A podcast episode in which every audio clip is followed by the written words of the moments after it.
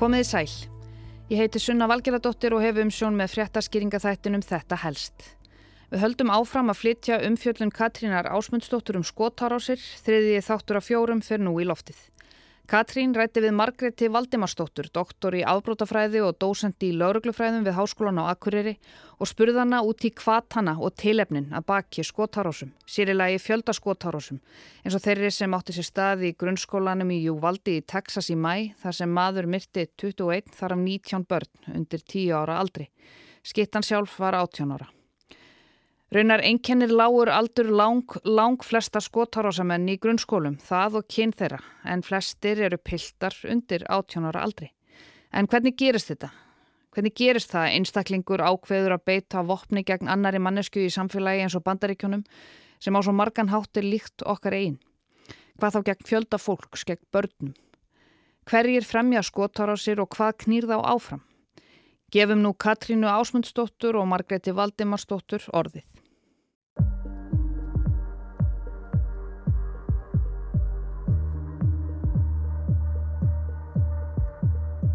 Af hverju fremur fólk skotar á sér mm -hmm. og hvaða fólk fremur skotar á sér? Já, það er búið að rannsaka mjög vel hvaða þættir tengjast á hverju einn einstaklingur e, fremur skotar á sér en ekki annar. Hvað þessir skotar á sér menn eða sammert eða þannig. Og sko, í fyrsta lega því þú spyrt hvað er það, þá getur ég sagt þér að einmitt ungur aldur og að vera kallmaður. Það er bara nummer 1, 2 og 3. Samkvæmt gagnagrunni Washington Post hafa gerendur skotarása í skólum orðið yngri og yngri. Á árunum 1999 og fram til dagsins í dag eru flestir þeirra á bylinu 10 til 22 ára. Lang flestir eru þó yngri en átján og meðalaldurinn er 16 ára. Fréttagreinandin Joseph Williams kann skýringar á því hvers vegna flestir skotárásarmenn eru svo ungir. The brain is still evolving. It's very plastic. It doesn't remain in its current state for very long and it doesn't reach uh, an area where people can make rational decisions until much later in life. So that's why these tendencies, these shooters tend to be younger men. Uh, they tend to be impulsive. Heilin er enn í mótun, í flæði. Raukhugsunin er ekki þróuð eða nægilega mótuð og það gerist ekki fyrir en mun síðar á lífsleginni. Hvatvísi á það til að ráða fyrr? En svo, sko, þetta er eiginlega, myndi ég segja, tveir hópar sem kannski eiga eitthvað samílegt en annað sem er ekki endilega samílegt og það er annars vegar svona uh, ungi kallmenn sem eru ábyrgir fyrir fjöldaskotárásum eins og þessar sem hafa verið rosalega mikið í fjölmjölum, svona skóla árásum og svo er það ungir kallmenn sem eru til dæmis ábyrgir fyrir skotarásum að því að það er hluti af gengjastriði eða þeir eru í annars konar ábrótum líka og, og eiga langa ofbeldisögu.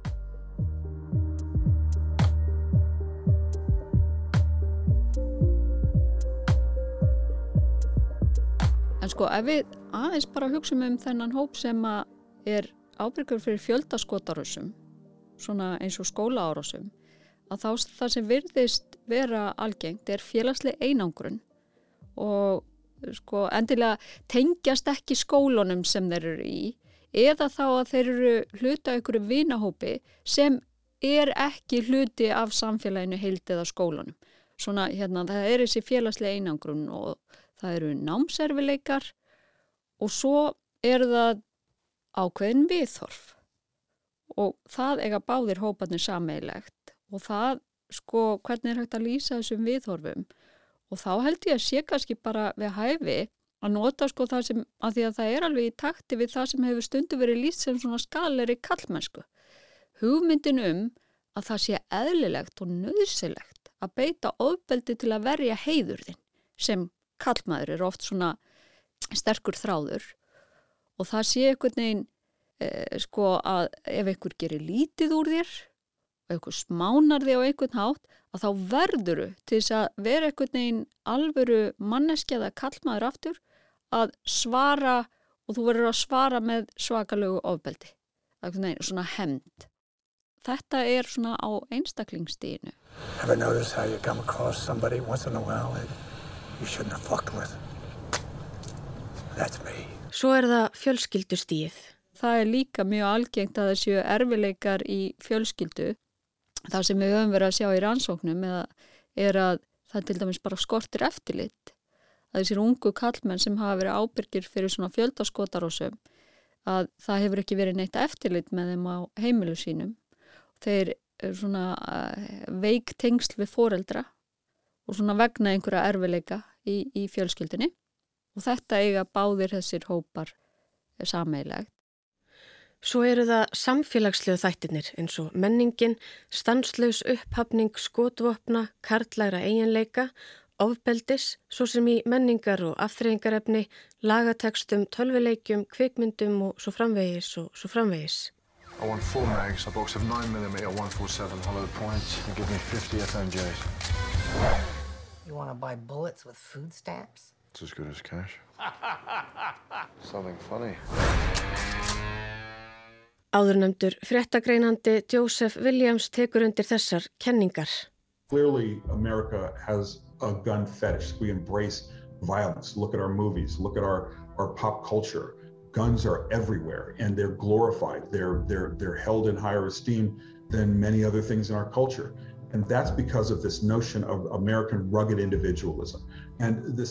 Við fögnum og upphefjum bissur og ofbeldi. Sjáu bara kvikmyndirnur okkar, menninguna, bissur eru allstaðar og það er út af þessari hugmyndum bandarísku harðgerðu einstaklingshyggjuna, mítuna sem er byggð á svo bagalegum og bjöguðum upplýsingum og hugmyndum. En bissur eru almennt ekki laust vandamála, það er skapa heldur fleiri vandamála en þær leysa segir Williams. Guns typically are not the solution to these types of problems. Guns cause more problems.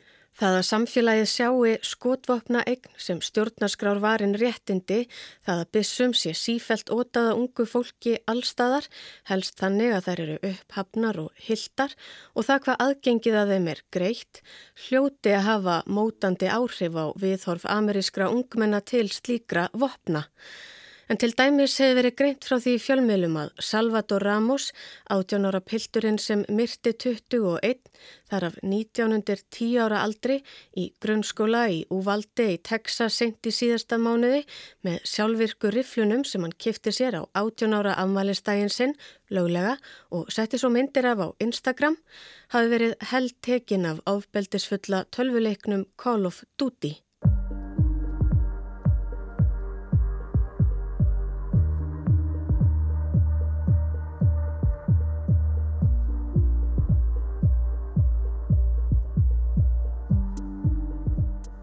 En menningin, afþreyingarefnið, upphafning, ofbeldis og vopna er ekki allt. Fleira kemur til eða eins og Margret bendir á. Að því að sko við á Íslandi, við erum alveg að sjá sömu bíómyndir og bandrækjumenn. Við erum að hlusta á sömu poplög. Þannig að þetta er ekki bara popmenningin í bandrækjunum sé eitthvað neginn öðruvísi heldur en um heim allan, bara vestrætt heimur á þetta sameilegt. En það er annað þarna og sem ég held að verði hvoru tvekja til út á struktúrnum. Einmitt, struktúrnum, gildum og viðhorfum eins og við á móti þeim hugsunarhætti. Viðhorfum sem Margrit þekkir af eigin reynslu en hún bjó lengi í bandaríkunum og kendi meðal annars háskólanemum í New York ríki akkurát á sama tíma og Sandy Hook skotarásin átti sér stað í Connecticut árið 2012 þegar tvítugur árásamaður myrti 26.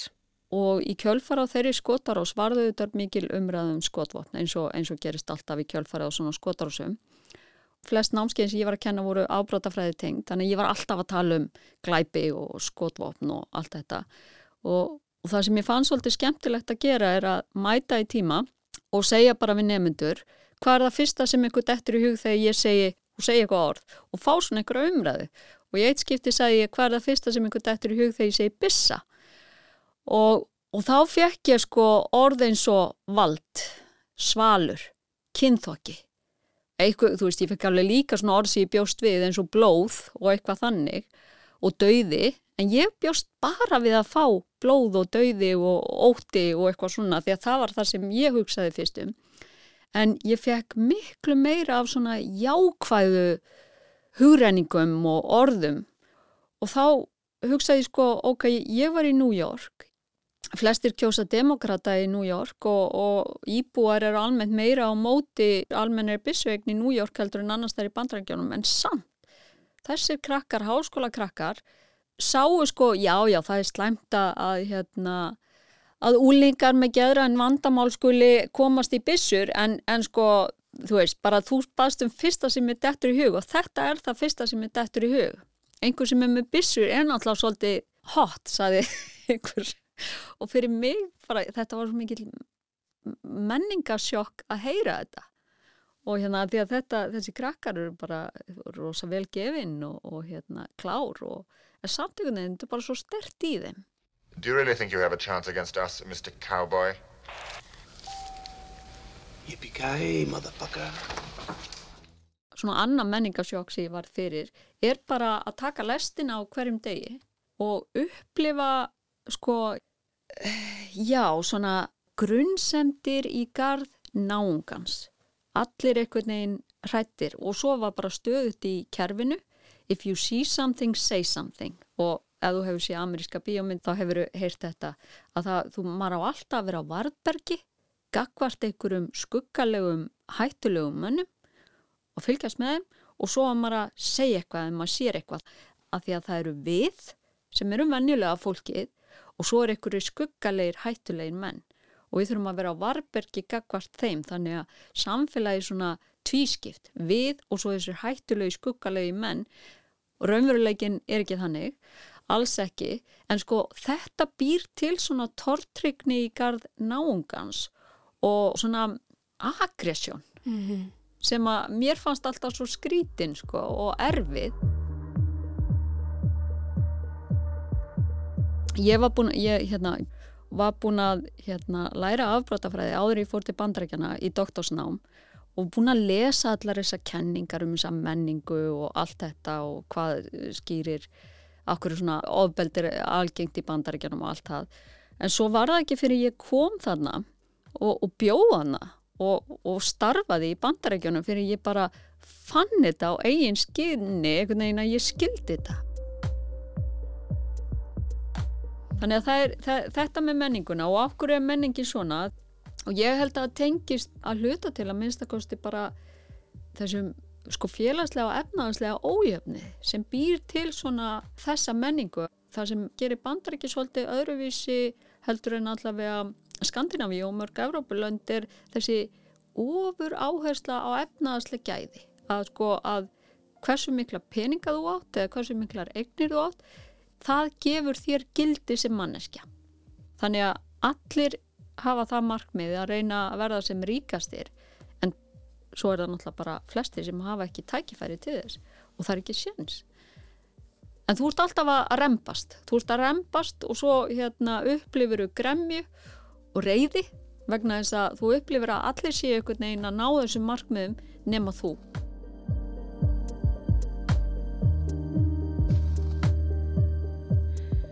Kenningarnar eru svo fleiri og markviðsari um hvers vegna ungir menn fremja svo hræðilega glæpi Til dæmis hefur kenningin um útskiptin miklu eða replacement theory verið nótu til réttlætingar fjölda voðaverka á Vesturlöndum á síðustu árum. Það er til dæmis talið að hún hafi leið að baki skotárásinni í Buffalo sem átti sér staðu um miðjan síðasta mánuð. Þá helt 18 ára maður alvopnaður í stórmarkað, myrti tíu og særði þrjá og ætlaði sér að taka enn fleiri líf. 11 af þeim 13 sem hann skaut voru svört og fjöldamórðið er ansakað sem hatursklæpur sem sprottin er af ofbeldisfullri öfga kynþáttahyggju. Fyrir fjöldamórðið hafðan byrt tæplega 200 blaðsína yfirlýsingu sem gaf kenningu lögreglu byrundi báða vangi. Þar sagði meðal annars að taka eitt í borgarstjóra Lunduna sem er af pakistönskum ættum og fyrsti múslimin sem gegnir ennbættinu af lífi. Því miður gefst þó ekki tími í stuttum pysli til að rekja kenninguna um útskipti nánar eða aðrar sambærilegar kenningar til eins ídrasta. En hins vegar fekk ég á tilfinninguna á samtali mínu um Margreti að oftast væri sami undir tótnin að baki ótaðisverkunum, jæðarsetning, ótrúlega alvarlegar afleðingar hennar ótti og sundrung, að alla á ótta í garð náungans, að skipta upp einni þjóði við og hina. En við ljúkum þessum þætti á vinsælu lægi. Læginu I Don't Like Mondays með hljómsveitinni Boomtown Rats, lægi sem margir hlustendur geta eflust sungið með, lægi sem fjallar um skotárás við Klífland grunnskólan í San Diego árið 1979 þar sem ung 16 ára stúlka Brenda Ann Spencer myrti tvo og særði nýju þar af átta börn. Aðspurðum það hvers vegna hún framti glæpin svarað hún Mér líkar ekki mánudagar.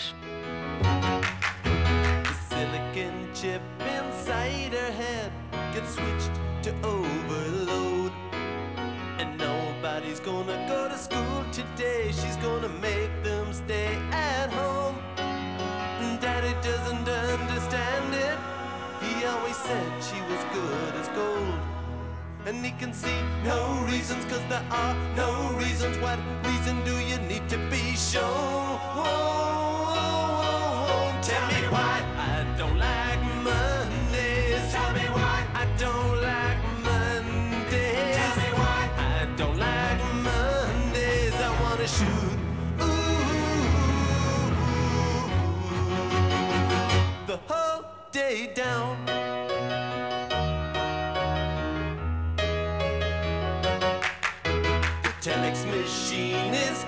so clean and it types to a waiting world. A mother feels so shocked, father's world is rocked, and their thoughts turn to their own little girl. Sweet 16 ain't that peachy keen, now it ain't so neat to admit defeat. They can see no reasons, cause there are no reasons. What reasons do you need? Oh, oh, oh, oh tell me why